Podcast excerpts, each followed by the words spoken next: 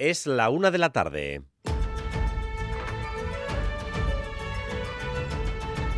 Crónica de Euskadi con Dani Álvarez. A Rachaldeón, el Congreso de los Diputados enfila esta tarde otra votación a la catalana. Con intriga hasta última hora, con un resultado incierto, con la posibilidad de que se produzcan sorpresas y con Junts, de nuevo, como estrella invitada. Lo que ocurre es que hoy no se vota un decreto más o una ley cuya entrada en vigor podría retrasarse. Hoy se vota el sistema operativo de la legislatura. Hoy se vota la ley de amnistía. Sin amnistía no hay legislatura. Ahora mismo, 13 horas de la tarde, a unas 4 horas de la votación, Junts dice no a esta ley. Madrid, Cisaro Baza.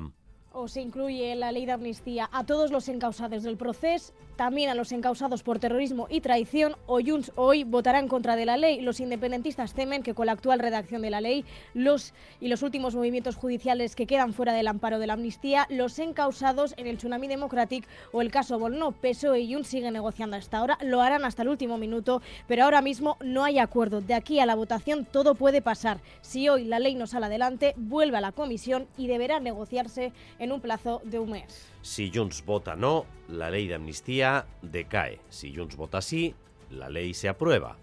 Y si Junts se abstiene, si Junts se abstiene, en principio la ley no saldría, pero más vale que nadie se equivoque porque nos encontraríamos en una situación de igualdad máxima. Y no se lo pierdan.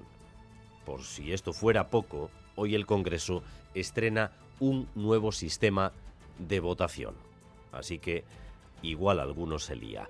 En la precampaña vasca hoy hemos escuchado los dos partidos que aspiran a ocupar el lugar que hoy ocupa el PNV, el de la hegemonía política, el del bastón de mando. Tanto el PSE como Euskal Herria Bildu creen que ha llegado el momento de darle un nuevo impulso al país porque ahora mismo el país se desliza por la inercia. Un partido gobierna con el PNV y el otro le ha ofrecido gobiernos de coalición tras las elecciones.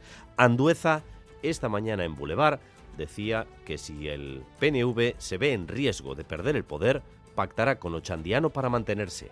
Yo creo que existe esa amenaza. Es algo que, que está sugiriendo la izquierda Berchale. Incluso el propio Manuel Paradales ayer mismo reconoció que él era independentista. ¿no? Bueno, pues los proyectos independentistas en algún momento se pondrán de acuerdo en el que bueno, pues aspirarán a conseguir su objetivo. El Partido Socialista va a evitar eso. Y en el caso del candidato de Euskal Herria Bildu, hoy ha hecho un discurso de cierta aproximación al PNV. Es necesario un cambio, es necesario un impulso. Pero atención a esto hay que retomar referencias del pasado en las que la gestión fue ejemplar. En el pasado hemos tenido políticas ejemplares en ese sentido. ¿no? Yo creo que es un poco eh, recuperar esa ambición y esa eh, capacidad de liderazgo que ha tenido este país desde lo público.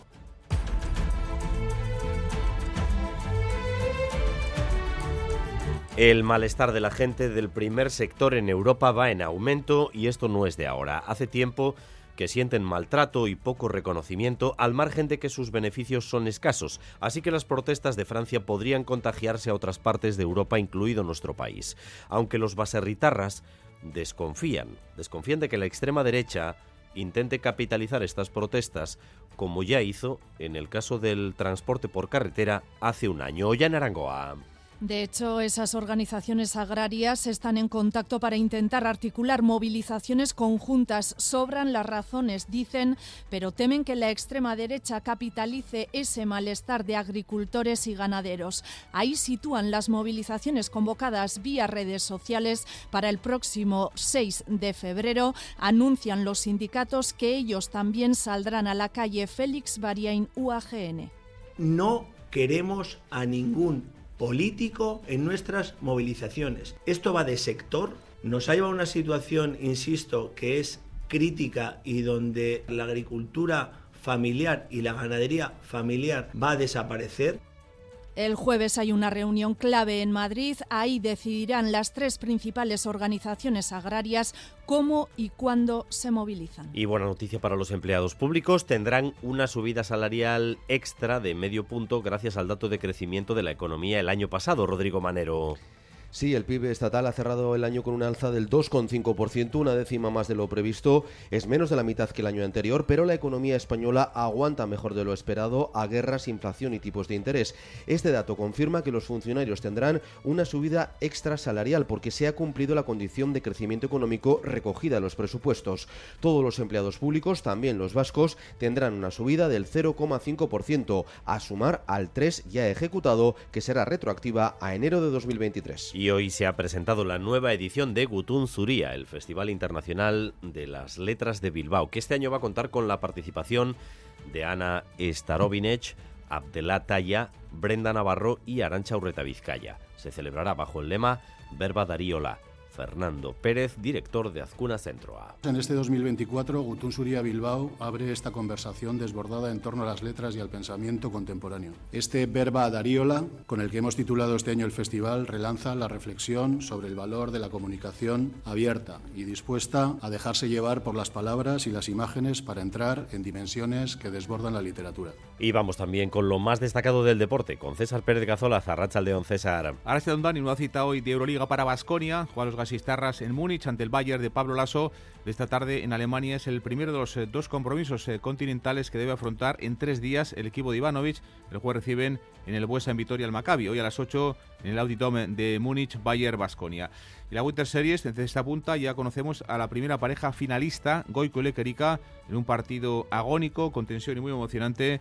Derrotaban anoche a Johan Sorozábal e Imano López. Iñaki Osagocoechea, por tanto, colocar la cesta buscando la final de dentro de tres semanas su última chapela como puntista profesional. En el tráfico ahora mismo precaución en Rentería sentido Irún, en la Guipúzcoa 636 a la altura de la rotonda de Capuchinos por la salida de carretera de un turismo.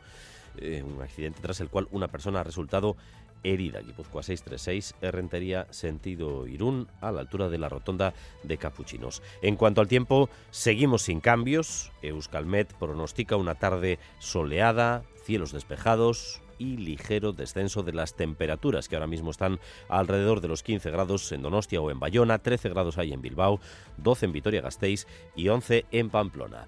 Gracias un día más por elegir Radio Euskadi y Radio Vitoria para informarse. Raúl González y José Ignacio Revuelta se encargan de la dirección técnica, María Cereceda de la coordinación.